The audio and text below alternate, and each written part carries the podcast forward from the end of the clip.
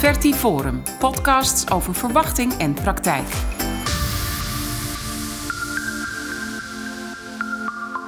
Het starten van een fertiliteitstraject is ongelooflijk spannend en emotioneel. Wat komt er allemaal op je af en hoe gaat een dergelijk traject in zijn werk? In deze serie podcasts praat ik hierover met ervaringsdeskundigen. Met Else, die sinds 3,5 jaar een kinderwens heeft en na een ICSI-traject binnenkort opnieuw zal starten met een traject. Ik praat met Sam, die in 2019 een PGD-traject is begonnen. En Joelle, die ook een ICSI-traject volgt en binnenkort een derde terugplaatsing krijgt. Mijn naam is Selma van Dijk.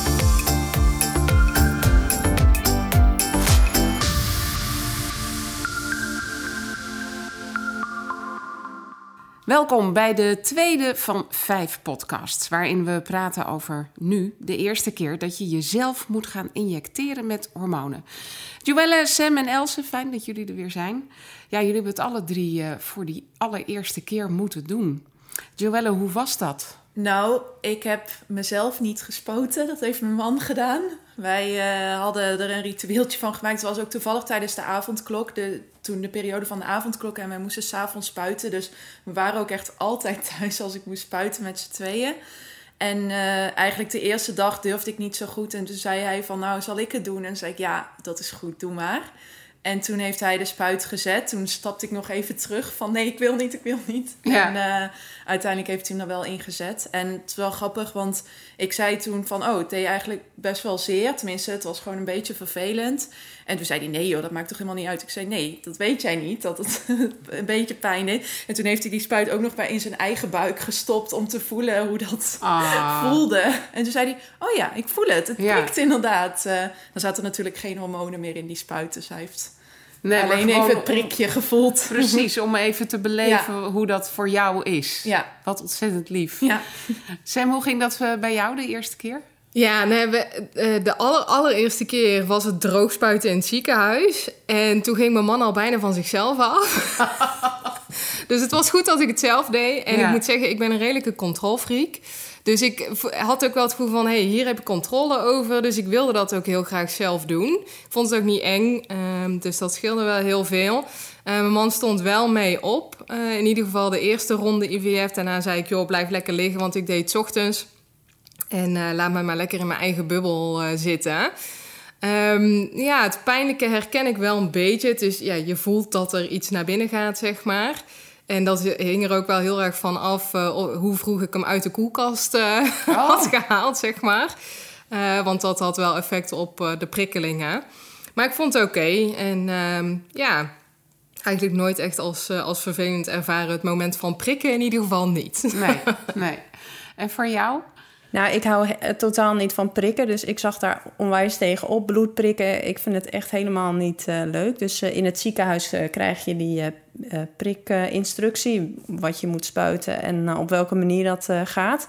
En toen zag ik eigenlijk dat het een heel klein naaldje was.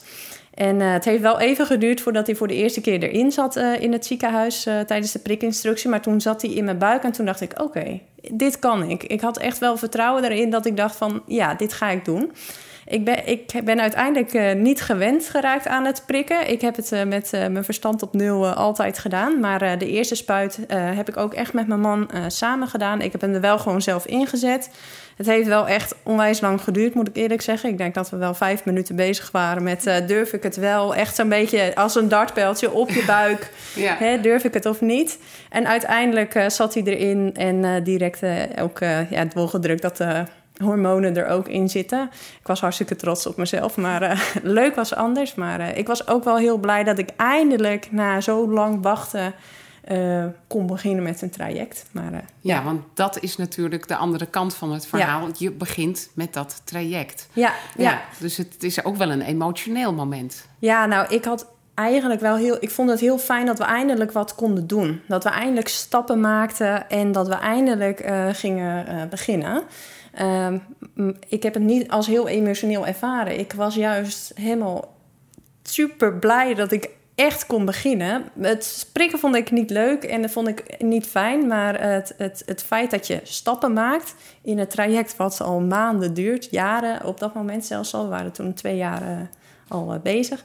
En ja, dat vond ik juist heel prettig. Ja, was dat voor jou ook zo, Joelle? Ja, wel hetzelfde, ja. Gewoon heel blij dat je eindelijk een eerlijke kans ook gaat krijgen op eventueel een zwangerschap. Ja. Dus het is echt, uh, ja, euforie wil ik het niet noemen, maar wel gewoon echt heel fijn. Nee. Ja, dat herken ik dan zelf eigenlijk niet. Maar dat oh. komt natuurlijk doordat ons traject ook heel anders is gekomen. Dus voor mij was het juist heel confronterend. Dat ik echt dacht, hè, Getsie, weet je, dit is helemaal niet hoe, hoe ik het me heb voorgesteld. En ja, dit is niet hoe de eerdere zwangerschappen ontstaan zijn. En nu moet ik hier allemaal elke dag een, een spuit in mijn buik zetten, terwijl het ook zo anders had kunnen zijn. En dat vond ik toch best wel de magie, moeilijk. De magie van zwanger worden gaat er ook wel een beetje van af. Ja die, ja, die is weg. Ja, ja, maar ik denk, voor ons was het zo duidelijk. Je kan niet natuurlijk zwanger worden. Nee. Dus dit was voor ons, ja, het, ja, we konden dit alleen maar aanpakken. Maar ik denk echt wel inderdaad, ja, de magie gaat er vanaf. Ja, ja het is klinisch, hè? Ja, echt. Ja, ja, ja, ja. En hoe eh, reageert jullie uh, omgeving uh, op jullie traject? Um, nou, wij hebben. Mijn moeder weet echt al sinds de tweede maand dat ik was gestopt met de pil dat dat, dat zo was. Dus die uh, was er vanaf het begin op de hoogte. En allebei mijn ouders uiteindelijk. En verder hebben we het niet aan heel veel mensen verteld. Dus zij waren eigenlijk vooral blij dat we gingen beginnen. Dus uh, nou, die willen ook graag opa en oma worden natuurlijk. Dus die, uh, ja, die vonden het heel fijn voor ons dat we eindelijk gingen beginnen. En de rest van de mensen hebben ja, soms iemand wat vertelt en iedereen is eigenlijk, ja, de mensen die we het vertellen, gewoon heel um, ja, supporting, zeg maar. Dus die uh, ja, vinden het vervelend dat het nodig is, maar wel ook, ja. ja fijn dat het kan. Fijn dat, het mogelijk is, inderdaad. Dus ja, wat dat betreft qua omgeving um, geen problemen mee gehad. Nee. Jij, Sam?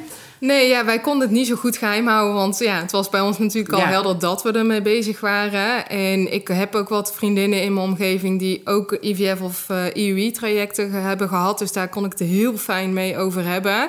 En ook echt vanaf het moment dat ik die eerste spuit zette, weet ik nog dat ik die vriendinnen ook appte van... Oh jongens, zoveel respect voor jullie, wat jullie al hebben moeten doorstaan. Uh, dus dat gaf een, een hele fijne uh, ja, band, zeg maar, daar weer in. En verder uh, ja, de een leeft meer mee dan de ander. De een begrijpt het wel beter dan de ander. En wij zijn in het traject gestapt terwijl alle andere vriendinnen ook allemaal al in de luiers zaten, ze maar zeggen. En um, ja, weet je, die hebben dan dus ook wel gewoon hun eigen ding waar ze mee bezig zijn. Dus dat vond ik soms wel lastig, want je ziet iedereen om je heen natuurlijk wel doorgaan. Wel eenzaam dan. Ja, ja dat heb ik me soms wel gevoeld. en daarin heb ik dus ook wel na een tijdje lotgenotencontact opgezocht. Uh, online. Om, ja. om toch ook wel bij andere mensen te, te, Ja, je bent toch nieuwsgierig van... ben ik de enige die dit zo ervaart? Of... Ja, en ik denk, mijn ervaring is ook dat mensen die in hetzelfde traject zetten... Eh, niemand uh, begrijpt je zo goed als, als uh, lotgenoten. Klopt. En, ook daarin, sorry dat ik je onderbreek, maar ook daarin zit nog steeds heel veel verschil. Want iedereen ervaart het weer op zijn eigen manier. de een gaat uh, bijna dood bij een punctie en de ander fietst er zo doorheen, zeg maar. Ja, zeker. Dus dat, dat, ook daarin vind ik het soms wel heel lastig. Maar ja, je weet in ieder geval wel hoe vervelend die wachtweken zijn. En nou alles waar we het nog over gaan hebben. En welke opmerkingen je wel en niet ja. oh ja. Dat is natuurlijk ook heel lastig inderdaad voor mensen in je omgeving die uh, eigenlijk niet zo goed weten waar jullie doorheen gaan. Hoe ga je daarmee om? Nou, het is soms wel inderdaad, mensen kunnen hele goed bedoelde adviezen geven. Uh, waar je heel weinig mee kan. Dus er zijn mensen die zeggen: laat het gewoon los. Dan, of ga je een keer op vakantie en dan komt het vanzelf. Maar bij mij komt dat meer, komt het niet echt vanuit de mensen die er echt vanaf weten, maar meer van mensen die juist er niet vanaf weten. Zeggen van nou, uh, wanneer uh, gaan jullie nou een keer aan kinderen beginnen? En denk ja, je moest dus weten hoe lang we al ja. Uh, hiermee rondlopen. Dus dat, ja. Ehm, ja, en goed bedoelde adviezen, ja, dat is heel lief, maar daar kun je gewoon soms weinig mee. Nee. nou, ik zie wel altijd dat goed bedoelde adviezen vaak wel komen uit een stukje echt mensen die zo onwijs meeleven en ook echt die wens ook met je mee hebben. Ik, ja, en dan denk ik, uh, we hebben over het algemeen echt super lieve mensen om ons heen. Eigenlijk alleen maar uh, supportive inderdaad. Uh, maar af en toe zit er een opmerking tussen waarvan je denkt, oeh, dat had ik liever niet gehoord, maar ik weet tegelijkertijd staan ze ook voor je klaar op het moment hè, dat je... nou ja, toen wij onze eerste traject ingingen... hadden we van onze vrienden allemaal kaartjes gekregen. Chocolaatjes via de post. En nou, dat soort dingen. bossen bloemen. Dus iedereen leeft wel echt zo onwijs mee... dat ik weet dat het uit een goed hart komt. Ja, dat is mooi. Maar sowieso vind ik, zeg maar, de vraag heb je kinderen, wil je kinderen, ben je met kinderen bezig? Daar moeten we echt mee stoppen gewoon. Want je kwetst mensen echt zonder dat je het doorhebt. Je weet inderdaad niet wat voor verhaal er al achter zit. Of ja, eh, eh, ja misschien zit iemand er middenin. Misschien weet iemand net dat het niet kan. En we hebben het niet door. Hè? Ik bedoel, ik heb mezelf er in het verleden ook wel betrapt om het te zeggen. Maar toch, het is eigenlijk zo'n beladen vraag. Nou, het is heel impertinent eigenlijk. ja. ja. Ja. En eigenlijk ook heel privé. Sommige, Kijk, wij praten er nu open over. En, ja, hè, maar er zijn ook mensen die dat niet doen en die er ook helemaal niet over willen praten. Nee, en ook niet met iedereen. Want Precies. ik had laatst een collega die vroeg opeens, terwijl met drie andere collega's waren van... en denk jij al aan, uh, aan een gezin stichten? En ja. je weet op dat moment gewoon... Ja, ik had totaal geen zin om dat met die mensen daar op dat moment in die situatie te delen. Dus dan ja, moet je ook een heel gek antwoord gaan geven en jezelf ook heel erg vermannen. Ik ben niet zo'n huiler. Nou, mijn Terwijl ouders eigenlijk misschien wel, maar... ja, misschien dat je het gewoon eerlijk moet zeggen. Dat je gewoon moet zeggen, nou, ik wil het daar even niet over nee. hebben. Nee, en er zit denk ik nog wel een verschil in wanneer je naast vrienden of uh, goede familie het aan je vraagt. Die echt vanuit een stukje betrokkenheid uh, meeleeft, waarin je echt je verhaal kwijt kan. Uh, of een uh, iemand die wat verder van je afstaat, die gewoon nieuwsgierig is naar uh, of je al, uh, ja, of het eigenlijk allemaal niet lukt bij jullie. Ja. ja dus, want ik heb juist wel ervaren, de, de, de we krijgen echt wel veel vragen van, nou ja, in onze omgeving weet iedereen wel van ons traject. En mensen leven dan ook wel echt mee. En ik weet ook wel van, ja, de vragen die ze stellen. Uh, is echt vanuit betrokkenheid. Ja. ja, nou daar moeten we ook eigenlijk van uitgaan dat het, hè, ja, dat het eigenlijk uit van betrokkenheid en aardigheid is. Ja. Het is altijd goed bedoeld. Nou, zo is het, zo is het. Nou, dank jullie wel uh, voor deze tweede podcast. Um, ik zou zeggen op naar de derde. Fijn dat jullie er waren. Dank jullie wel.